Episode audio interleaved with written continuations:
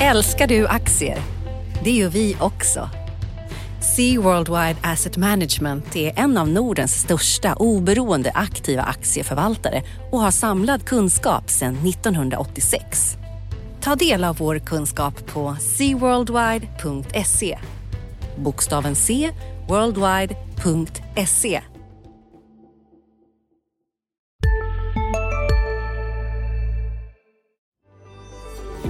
Bredda din exponering mot krypto hos IG. Utan krav på Wallet får du tillgång till 12 olika kryptovalutor såsom bitcoin, ethereum och dogecoin. Med IG kan du dra nytta av volatiliteten hos kryptomarknaden då de erbjuder handel för både upp och nedgång. Dessutom har de billig valutaväxling där endast vinst-förlust växlas. IG är en stabil och pålitlig aktör med över 45 års erfarenhet och du kan besöka dem på ig.com eller ladda ner deras app till din mobila enhet för att börja handla idag. Men kom ihåg att handel med finansiella instrument alltid innebär risker. Analyspodden från Dagens Industri. Hej och välkommen till Analyspodden, Dagens Industris podd om börs och makro. Eh, jag heter Agneta Jönsson och idag har jag med min kollega Johan Wendel. Hej Johan! Hejsan Agneta! Idag är det fredag igen och det är den 28 januari och klockan är runt 10. Eh, idag tror jag vi ska prata mest om börsen. Det har ju kommit väldigt mycket rapporter minst sagt den här veckan. Ja, men precis. Rapportflod och sen så mitt i allting hade vi också ett Fed-besked, eller hur? Det har vi haft. Det är nästan som man har glömt bort det nu eh, när det händer så mycket på marknaden. Och vi har ju dessutom haft en väldigt stökig Eh, börs. Det, det, är ju en av de stökigaste börsstarterna på året vi eh, har haft nästan. Så vårt eh, OMX-index är ju ner 10 procent sedan toppen 4 januari. Det är ganska häftigt. Ja, men verkligen. Och vi skulle säga det att det, det är mycket liksom... Det, det har ju slagit lite oproportionerligt, eller beror på vad man tycker om aktierna. Men de aktierna som har fallit framförallt är ju lite mer högvärderade techbolag ofta eh, som kanske hade ett fantastiskt 2020 framför allt. Då, då. Det är de som handlas ner här nu. Eh, så att, eh, ja, det är båda för ett spännande... Eh, dels är det en spännande rapportperiod nu, så det går för bolagen framför allt, men också för ett spännande 2022 ju längre vi kommer in i det. Jag tror att det kommer att bli väldigt volatilt eh, nu, åtminstone till man har accepterat det här vad som kommer att hända med räntorna. Om vi återgår till det här eh, Fed-beskedet så har det ju skrivits spaltmeter om det där, så vi behöver inte gå in på det i detalj. Men det som har hänt nu är, från tidigare så räknade man att Fed kanske skulle höja räntan två till tre gånger i år. Eh, nu har man prisat in att man ska höja fem gånger i år, det vill säga ganska så mycket. Och det har ju med den amerikanska inflationen att göra, att den ligger på så hög nivå. Och vi har också pratat mycket om den här tioåriga amerikanska räntan och den steg ju jättesnabbt från 1,5 procent årsskiftet som, till som mest 1,90 nästa vecka. Och det är inte själva uppgången i sig som är problemet, utan det är snabbheten i uppgången. För skulle man göra experimentet att man drar ut den här kurvan, eh, då kan du tänka dig vad räntan skulle vara till midsommar. Och det är lite så marknaden reagerar. Ja, men precis. Och, och, vi har ju varit i de här situationerna förut när amerikanska tioåringen har stigit väldigt fort. Uh, nackdel, eller eh, det som är annorlunda nu är ju lite att vid de tidigare tillfällena har ju alltid Fed klivit in och lugnat marknaden på ett eller annat sätt och klappat oss på huvudet och så vidare. Den här gången så blir ju, har de ju lite svårare att göra det när inflationen är så pass hög. Då kan inte ta, oss, eh, ta marknaden, eh, liksom lugna marknaden riktigt på samma sätt för de har en alldeles för hög inflation att ta hänsyn till också. Så det är en lite noterbar skillnad också. Visst är det så. Och de har ju också en väldigt stor balansräkning. Så att eh, planen var ju att sluta med stimulanserna och släppa det här och låta ekonomin flyga vidare själv. Men i och med att du har fått den här inflationen så måste man börja agera. För gör man inte det i tid, då, är det, då kommer det bli ännu värre sen helt enkelt. Så det är bättre att ta en mindre eh, punktering av en bubbla än att vi får något jättestort längre fram. Absolut. Så jag tror eh, just nu så tror jag faktiskt att den här turbulensen lugnar ner sig lite för en eh, period här. Eh, vi nästa gång då är i mars här när Fed väntas höja räntan. Och nu tror jag några veckor här att det är fokus på bolagens rapporter istället. Så lite stökigt men inte riktigt lika stökigt som det var i förra veckan. Ja, men precis. Och om jag ska komma med en spådom här dock så är det ju mm. att, eh, och den här får vi kanske återkomma till om ett år eller någonting sånt. Men om man kollar på Fed eh, det gångna året så hade de ju alldeles för låga inflationsprognoser. Eh, de räknade inte med så här hög eh, inflation i fjol. Om, jag tror också det kanske inte är så, en så osannolik gissning att de också ligger fel i sina inflationsprognoser för helåret 2022. Men att kanske risken ligger på nedsidan den här gången på inflationen. Jag vet inte, jag bara slänger ja. ut den tanken. Bara. Ja, vi noterar att det är den 28 januari 2022, sa Johan. Nej, men skämt åsido, eh, det ligger mycket i det och jag tror överlag så tror jag att vi alla eh, underskattar den här snabbheten i alla rörelser mot tidigare skeende. Allting i hela ekonomin går mycket, mycket fortare nu. Det har ju med digitaliseringen att göra. Det är omedelbara reaktioner från bolagen som trycker på orderknappar till leveranskedjor och allting. Så att jag tror vi måste finna oss i det att gamla mönster har blivit lite eh, snabbare faktiskt. Absolut, absolut. Om vi släpper det så kan vi konstatera att eh, vid en sån här stökigare marknad då är det än viktigare att hålla ordning på de bolag man har och vad de faktiskt presterar plus vad de är värderade då. Absolut. Och där har vi idag, vet jag att du har suttit innan på morgonen här och grottat i ett eh, bokslut, eh, H&M som kommer rapport tidigt på morgonen. Vad har du att säga om dem? Ja, men precis. Eh, nej, men, eh, om, om, vi tittar på H&M så det, det, är ju ingen hemlighet att aktien har gått lite sist, alltså om vi backar bandet då till 2015 tror jag var det aktien toppade senast. Och sen, sen följer aktien där kraftigt och det Eh, liksom härstammar ifrån bland annat att eh, rörelsemarginalen, lönsamheten, har ju urholkats över en lång tid. Eh, sakta men säkert. Och eh, H&M var ju liksom på väg tillbaka. Eh, de bröt den här nedåtgående trenden för lönsamheten och eh, höjde marginalen med blygsamma 0,1 procentenheter eh, till 7,5 procent eh, 2019. Sen kom ju covid och, och sabbade hela den här comebacken då, som de hade liksom utstakad. Men den här, det här liksom bokslutet vi har fått in här på fredagsmorgonen, då, den tycker jag bekräftar att nu är liksom verkligen H&M den comebacken är back on track, liksom, kan man säga. Och om vi tittar på kvartalet som helhet så kom rörelsemarginalen in på 11 procent och marknaden hade där räknat med 9,7 procent. Helåret så ser, är, det, är det liksom, eh, tror jag att den laddade på 7,7 procent här. Nu försvann siffrorna i mitt dokument här, men 7,7 procent. Så det är en högsta, också en ökning av eh, marginalen. Då, då. Givetvis jämfört med 2020, men också givet, jämfört med 2018 och 2019. Så det är bra. Bruttomarginalen också, kikar vi lite högre upp i resultaträkningen, så bruttomarginalen också fin, fin utveckling. Där har de ju haft lite hjälp av dollarn, men då har vi också råvarupriser och fraktpriser som slår mot andra hållet. Verkar ha hållit bra koll på reor och eh, haft eh, kollektioner som varit efterfrågade helt enkelt. Så att, och sen så då eh, lanserar man ju, återinför man ju utdelningen, 6,5 spänn per aktie. Det är lite under vad marknaden hade räknat med, men då slår man till med ett återköpsprogram också på 3 miljarder kronor. Och här är ju liksom det vanliga farhågan man har med bolag som lanserar återköpsprogram. Hur långsiktigt är det? För det, det, inte sällan blir det ju så att bolagen lanserar ett återköpsprogram, aktien står rätt fint.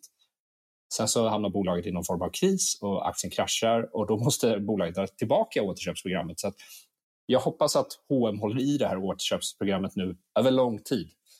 Och sen så då, alltså, om vi tittar på guidningen som H&M kommer med för eh, perioden då 1 december till sista januari. Men kanske, det är säkert bekanta med att H&M's räkenskapsår löper 1 december till sista november. Så om vi tittar på de här två första månaderna i räkenskapsåret så guidar de för att eh, de tror att eh, försäljningen kommer öka ungefär med 20% i lokala valutor. Här. De skriver också att eh, den senaste pandemivågen har satt käppar i hjulet för dem. Så att där jag, dels är det en fin guidning men också är det en liksom indikation på att H&M är ju lite av ett återöppningscase här. Om, om fler länder gör som Danmark så kommer det vara bra för H&M, det vill säga Danmark slopade ju sina covid-restriktioner här i veckan. Så att, eh, allt som allt tycker jag man måste säga att H&M gör rätt saker och är på rätt spår.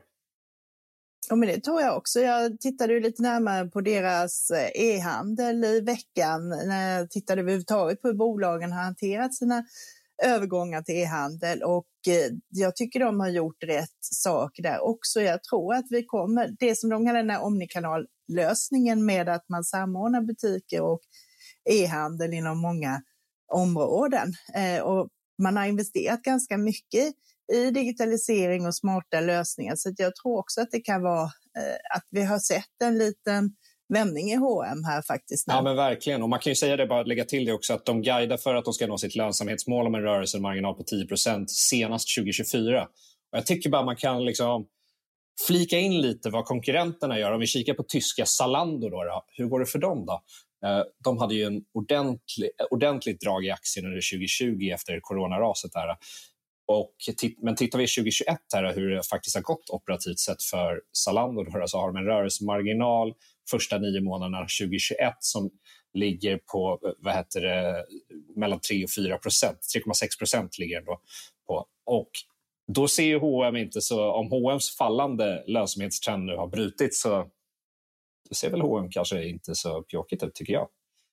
Det gör det inte och Zalando ska ju växa genom att gå in på nya marknader och det kostar ju en del, inte minst i marknadsföring, plus att man jobbar mycket med partnerskap och det är inte heller lika lönsamt så att säga. Nej, men verkligen. Och där, sen är ju sån, om vi tar en aktie som Zalando är de lite kanske beroende av det här som vi pratade om innan. Hur är liksom det allmänna investerarcentimentet? Gillar man de här tillväxtaktierna eller, eh, och så vidare? Eh, men H&M eh, jag bara kollade lite i faxet nu, vad värderas de på? Det var väl strax under P20. Tycker inte det framstår som särskilt orimligt. Nej, och Zalando har ju värderingen kommit ner, men jag tror fortfarande det är 70 gånger eh, förväntade vinsten, så att det finns ju fortfarande en rejäl premie där. Så att, nej, eh, jag tror H&M är en aktie värd att hålla koll på här under året. Ja, men verkligen. Sen finns det Sen är det en annan sådan som kom i början av veckan, nämligen Ericsson, tror jag också har eh, kommit in i en liten vändning. De gick trögt förra året och har haft det lite motigt.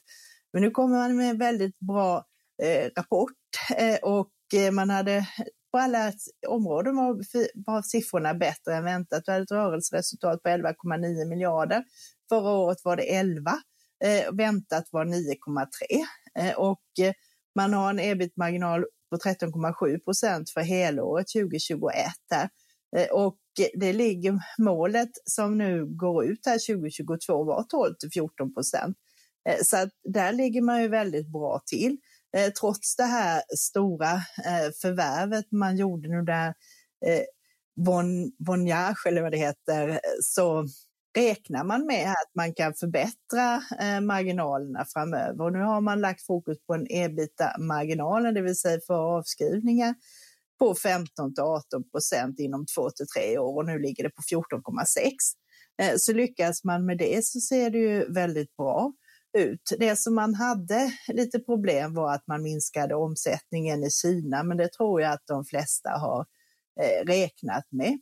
Däremot inom Network så ökade försäljningen totalt organiskt med 3 procent. Jag tycker den är också en sån här som man kan hålla eh, ögonen på framöver. Ja, men verkligen. Du tror inte, du tror inte Christer Gardells Sevian Capital säljer än, än så länge? Jag tror inte han gör det, utan jag tror att han håller nog i lite till där. Och det verkar som att Börje Ekholm har eh, kopplat ett bra grepp på Ericsson och att han gör rätt saker och att han får eh, organisationen med sig. Så det känns som man är lite inne i ett medvindsflow nu. Ja, intressant. Sen har vi ett annat storbolag också som har kommit här under veckan. Ett hyfsat stort bolag i alla fall. Jag tänker på Atlas Copco som rapporterade här i veckan. Precis, eh, och det var ju en bra rapport eh, och det var en högre orderingång än väntat, men resultatet var lite under väntat. Och det kom ju då en av de här dagarna där det var riktigt stökigt, så aktien åkte ner 5% på rapporten. Men sen har analytikerna hunnit titta på det här och eh, köparna har hittat tillbaka en del. Och där har du lite den här eh, Zalando versus H&M problematiken. Om man tittar på Atlas jämfört med konkurrenterna i verkstadssektorn så är ju värderingen betydligt högre och det har ju att göra med att man under väldigt lång tid har haft en högre lönsamhet och man har gjort rätt saker och haft en bättre tillväxt. Eh, tittar man tillbaka så är P-talet då eh, 12 månader tillbakablickande 42. Det är ju väldigt högt för ett verkstadsbolag. Men trillar prognoserna in som de ska nu så kommer den ner eh, till 28 i år. Det är fortfarande lite dyrt, men eh, tittar man på det historiska gapet så eh, kan nog Atlas rulla vidare från de här om det inte händer något oförutsett. Ja, det är en sån där aktie man ofta... Den invändningen man hör från alla är att alla skulle vilja köpa Atlas Copco om det inte var för att den var så fruktansvärt högt värderad. Eh, och det, och det, är ju så, de är alltid lite för dyra. Ja, och det brukar ju finnas en anledning till det. Uh... Det finns ju en anledning till det, men sådana aktier ska man verkligen Eh, titta på just när det är såna här riktigt stökiga dagar som vi hade i måndags och när vi får att de faktiskt eh, faller mer än vad det är motiverat. Då kan man ju passa på att plocka upp lite. Absolut. Sen var det ju en stor affär i din eh, sektor också, i spelbranschen kan man väl kalla det i veckan. Ja, men precis. Spelbranschen, gaming. Vi har inget bra riktigt eh, svenskt namn på det. Eh, jag jobbar på det. Eller ja, vi jobbar på det. Ja, du får hitta något riktigt bra gemensam beteckning på de här bolagen. Precis. Nej, men vad som händer då, då precis som du är inne på, eh, MTG eh, Dora eh, har ju sålt sin e-sportsverksamhet här under veckan till eh, Savvy Gaming Group som de heter, som är ett eh, ägs av Saudiarabiens statliga investeringsfond eh, PIF. PIF eh, och eh, det här kommer ju MTG få in en nettolikvid ungefär strax över 8 miljarder, 8,1 miljarder skriver de i sitt pressmeddelande. Så att, det här är ju MTG, de flesta associerar MTG med Viasat fortfarande, trots att det har gått nu tre, fyra år sedan de knoppade av Nent. Men MTG har ju fått kritik bland annat av mig de senaste åren för att det är ett ganska spretigt bolag. Man har ju sin, sin liksom mobilspelsverksamhet och sen så har man eh, det här e-sportsbenet. Och eh, den förra vdn, Jörgen Massen Lindeman, han var ju väldigt förtjust i e-sporten och eh, övervägde och, eller ville knoppa av eh, eller sälja gamingdelen då, då, och sen notera MTG i USA som ett renodlat e-sportsbolag. Så blev det inte, det vet vi alla. Eh, sen har de fått en ny vd, eh, Maria Redin, som har gjort en helomvändning där. Som satsar väldigt mycket på gamingdelen, har gjort mycket förvärv där och eh, jag tycker man visar goda tecken där. Jag tycker de förvärven man har fått in, om man tittar på Ninja Kiwi till exempel, så tycker jag det är ett eh, riktigt fint förvärv, Eh, ser det ut som. Ehm, och då har den fortsatta kritiken från investerare varit att men varför ska ni ha den här e-sporten också? Vad är liksom synergierna mellan dem? Just nu pågår vår stora season sale med fantastiska priser på möbler och inredning. Passa på att fynda till hemmets alla rum, inne som ute, senast den 6 maj. Gör dig redo för sommar. Välkommen till Mio. CSRD, ännu en förkortning som väcker känslor hos företagare. Men lugn, våra rådgivare här på PWC har koll på det som din verksamhet berörs av. Från hållbarhetslösningar och nya regelverk till affärsutveckling och ansvarsfulla AI-strategier. Välkommen till PWC. Och eh, den här försäljningen vittnar väl om att eh, MTG har lite samma åsikt här, att det är begränsade synergier mellan dem. Och eh, e-sportsbenet har ju varit eh, det har ju varit liksom lite jobbigt för MTG där under 2020 när liksom mobilspelsbolag och dataspelsbolag var superhåsade och fick en coronadopning hängde inte MTG riktigt med upp där, för de har ju, de har ju det här e-sportsbenet som det, det är liksom fysiska events. Det säger sig självt att det, gick inte, det har inte gått så bra de senaste två åren.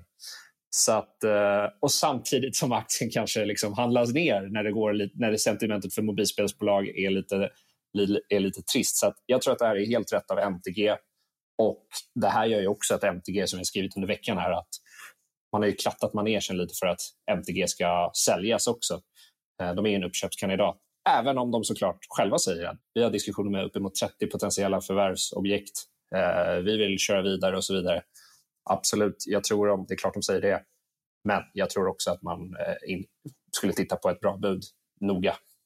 Ja, men det låter ju som en, ett intressant upplägg. Så antingen så kommer de bli typ ett nytt Embracer då, att de kommer att köpa på sig en massa mindre bolag, eller också så är det någon annan som lägger rabarber på dem innan de satt sprätt på kassan då. Ja, men precis. Jag, jag skulle väl säga att kanske MTG och Stillfront är kanske rätt lika bolag nu då, efter det här. Att båda två kommer titta på förvärv, fortsätta göra förvärv. Båda två har liksom en aktieägarlista som det kryllar inte av liksom, eh, långsiktiga och starka ägare i den. Utan får de ett bra bud på de här bolagen så då skulle man nog tacka ja. Och det här blir ju allmänt spännande för den här sektorn efter 2021 var ju inte något vidare år och sen den här sättningen vi har haft i början av 2022 har ju inte varit något rolig för dem heller. Men det är ju en glö fortsatt glödigt sektor förvärvsmässigt. Alltså förra veckan hade vi Activision som köptes upp av Microsoft, största affären i den här sektorns historia. Innan dess hade vi Take-Twos köp av Zynga som då, vid det tillfället, var den största affären i den här sektorn. Så det händer ju grejer på förvärvssidan. Eh, man har ju alltid att alla sektorer konsolideras, men jag tycker faktiskt man kan säga det för den här sektorn.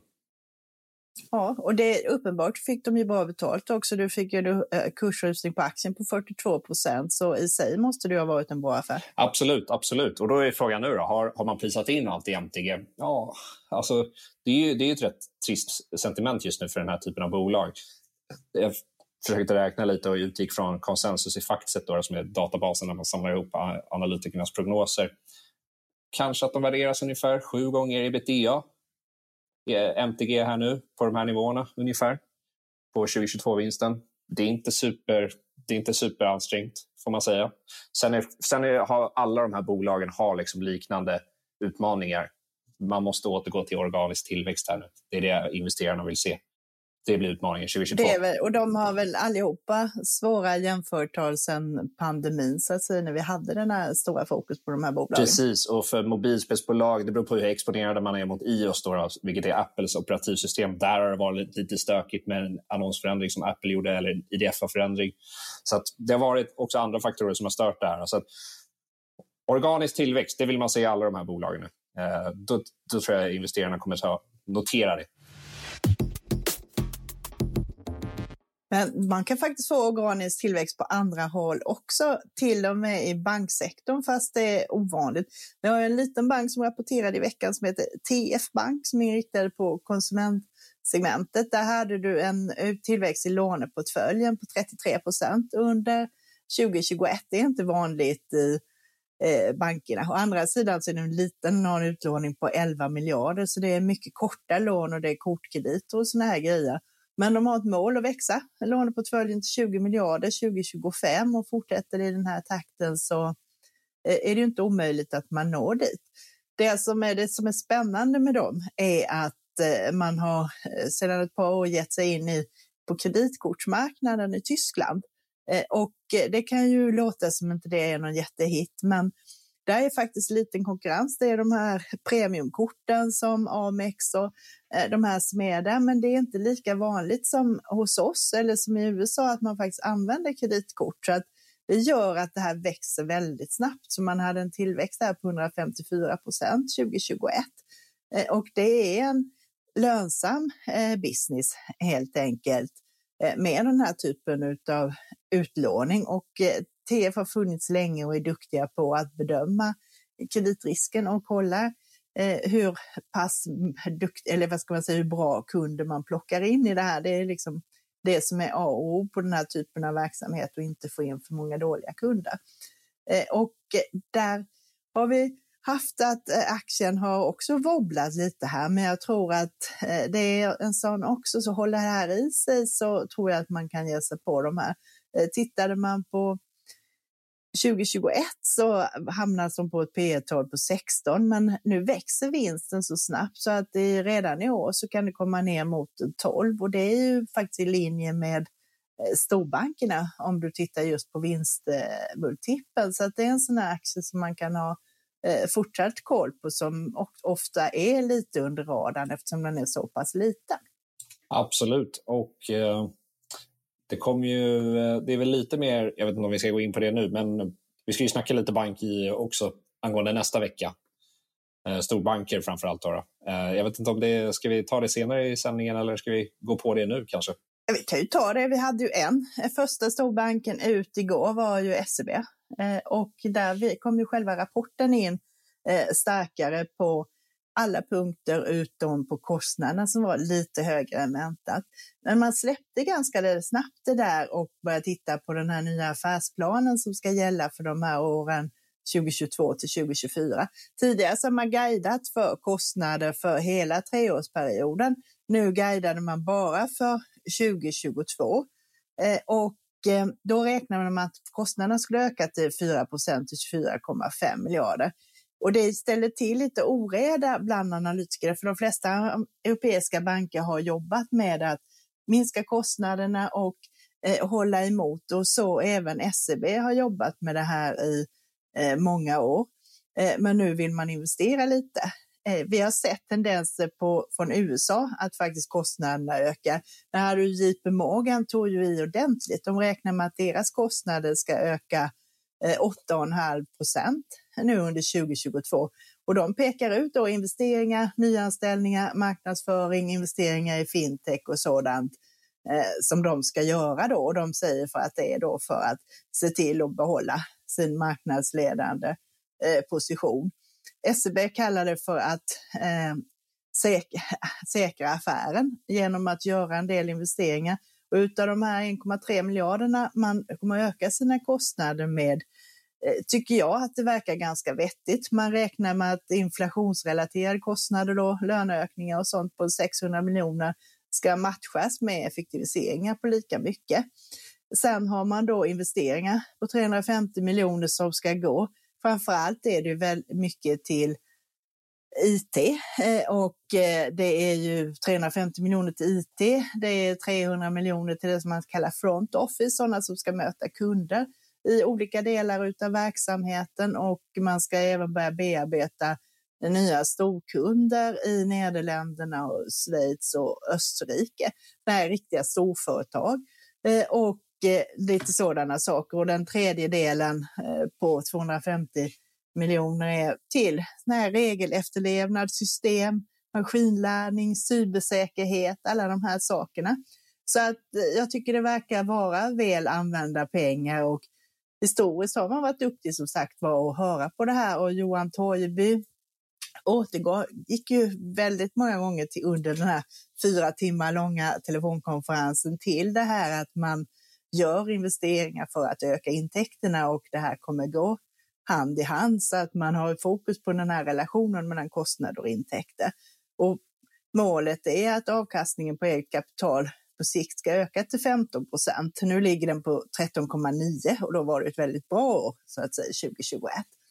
Så att eh, jag tycker det är fortfarande intressant, men jag tror att eh, just nu så behöver det sätta sig lite, så man behöver inte kasta sig eh, över aktien. Eh, jag tror att banker överlag kommer att kunna gå bra eh, 2022 för att man har en medvind i dels satte man av väldigt mycket till kreditförluster Eh, under pandemin, vilka kommer att kunna behöva lösas upp. Du har räntorna som kommer att börja utvecklas åt eh, rätt håll eh, och du kommer inte behöva investera så mycket i IT och sånt som har att göra med en massa nya regler som de här Baselreglerna och sånt som har införts. Så att du har en del saker som pekar på att man har lite stöd från. Sen för SEB som är den som har mest eh, känslighet mot just rörelse på kapitalmarknaden och bolagsaffärer och börsen och sådant eh, eh, får man titta på vad som händer på marknaden. Så att de påverkar i större grad än till exempel då Swedbank och Handelsbanken som har en väldigt stor del eh, bolån. Och det ser du på att SEB har mindre än hälften av sina intäkter från räntenetto medan Handelsbanken och Swedbank ligger en bra bit över 60 procent eh, där. Och till och med Handelsbank tror jag till och med upp mot 70 procent om jag inte missminner mig. Och då är du mindre känslig egentligen. Så att eh, ja, det var väl ungefär det om SEB. Jag, jag tänkte bara bryta in med en fråga. Var det, var det en ja. fyra timmar lång telefonkonferens? Ja, Precis, först var det presentation som började halv nio och sen så fick vi en liten paus mellan kvart över tio och halv elva och sen satte det igång igen med frågestund halv elva till tolv. Herregud, ja det är, det är, en, det är en, rejäl, en rejäl dag. Det är en rejäl dag och den som vill lyssna så finns det ju inspelat på deras eh, IR-sida eh, på noggranna förklaringar. Jag kan inte förklara i en liten artikel eller en liten podd allt som sades om den nya strategin. Men är man intresserad av bankverksamhet och utveckling inom bank så är det intressant att lyssna på det. Absolut. Sen kan måste jag säga ett av mina bolag till som jag följer kom in med en riktigt stark eh, rapport igår. Eh, vet du vilket det var? Nej. Det var Intrum eh, som har haft det ganska motigt under pandemin också. Man jobbar ju, man kallar det för kredithanteringstjänst, det vill säga att man driver in fordringar eh, åt andra företag och banker. Men man köper också portföljer med, av, med krediter från eh, framförallt europeiska banker och driver in från egen räkning. Och det har varit tufft under pandemin med det här därför att det har varit stängda domstolar i södra Europa och samtidigt håller man på själv med en mer omorganisering av bolaget där man ökar digitalisering, man har ändrat organisation, man har bytt vd och sådana här saker. Men nu blev det ordentligt svung i det här, så där hade vi också ett rörelseresultat som var 11 procent bättre än prognos. Eh, det går bättre för kredithanteringstjänsterna just och i det som man kallar för strategiska marknader, Spanien, Italien och Grekland, ser man nu en bred och tydlig återhämtning eh, från pandemin och det är positivt. Och man har också fått fart på eh, portföljinvesteringarna här så att eh, jag tycker det ser ganska bra ut. Man hade en avkastning på det på sina portföljer under fjärde kvartalet här på 14 procent. Eh, och det är alltså att man köper in då lån och så driver man in dem och så har man då haft en avkastning på dem på värmen på 14 procent och det är positivt. Så att jag tycker den här uppgången igår eh, på, jag tror de slutade på 14 procent upp är motiverad och du har fortfarande ett lågt P tal eh, ungefär på 9 här inför rapporten, samtidigt som det är en aktie som ger bra direktavkastning på 5% Så att det kan också vara en sån här eh, återöppnings-comeback-aktie faktiskt. Absolut, absolut. Ska vi blicka lite mot nästa vecka? För då fortsätter ju rapportperioden. Ja, det gör det. Det är full fart nästa vecka också. På måndagen händer inget viktigt, men på tisdag så har vi eh, Tele2 bland annat. Vi har Academedia, Hemnet, Nobia, eh, Lundin Energy som vår kollega eh, Rickard Bråse skrev en köprekommendation på nyligen, om jag inte missminner mig. Och sedan har vi eh, de här industri-PMI, det vill säga inköpschefs Eh, cheferna i industrin runt om i hela världen ska tala om hur läget är. Sen har vi på onsdagen så kommer ju Swedbank och där är mycket fokus då på bolåneaffären. Och sen har vi Alfa Laval och Indutrade eh, och Hexagon är väl de mest spännande bolagen där, tycker jag. Eh, och sedan på torsdagen så har vi Nordea då som precis som SEB kommer att komma med en ny eh, treårsplan. Bland annat så räknar vi med att de uppgraderar sitt avkastningsmål. De har haft ett avkastningsmål på 10 på avkastning på eget kapital och det räknar vi att med att eh, det höjs. Så att eh, det blir intressant att se hur eh, Frank Wang-Jensen eh, hanterar det här nu framgent. För man har lyckats bli bra med en turnaround, men då är det intressant om man klarar av att hålla i det om man ska lyckas eh, fortsätta. Och nu behövs det fokuseras på tillväxt där också. Ja, men uh, verkligen. Det är många intressanta rapporter. Jag håller väl lite utkik på Alltså på tal om vad vi pratade om tidigare, det är vissa aktier som har varit uh, väldigt bryskt behandlade i år. Alltså man, man får ju ändå ta, ta en liten kik på uh, Vitrolife som kommer den tredje nästa vecka. Då, då. Och uh, aktien är ner nästan 40% i år.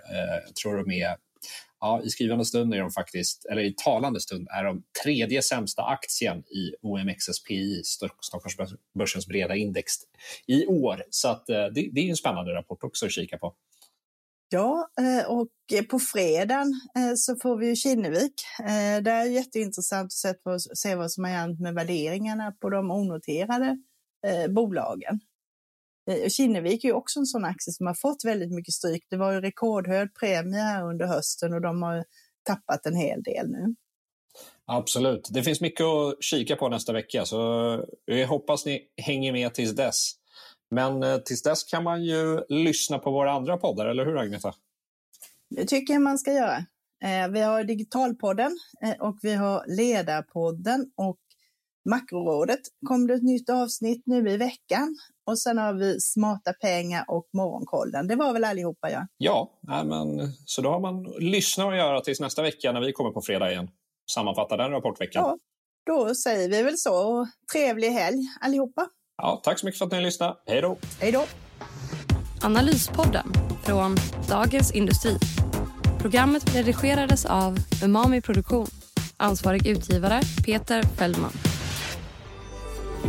Bredda din exponering mot krypto hos IG. Utan krav på Wallet får du tillgång till 12 olika kryptovalutor såsom bitcoin, ethereum och dogecoin. Med IG kan du dra nytta av volatiliteten hos kryptomarknaden då de erbjuder handel för både upp och nedgång. Dessutom har de billig valutaväxling där endast vinst-förlust växlas. IG är en stabil och pålitlig aktör med över 45 års erfarenhet och du kan besöka dem på ig.com eller ladda ner deras app till din mobila enhet för att börja handla idag. Men kom ihåg att handel med finansiella instrument alltid innebär risker.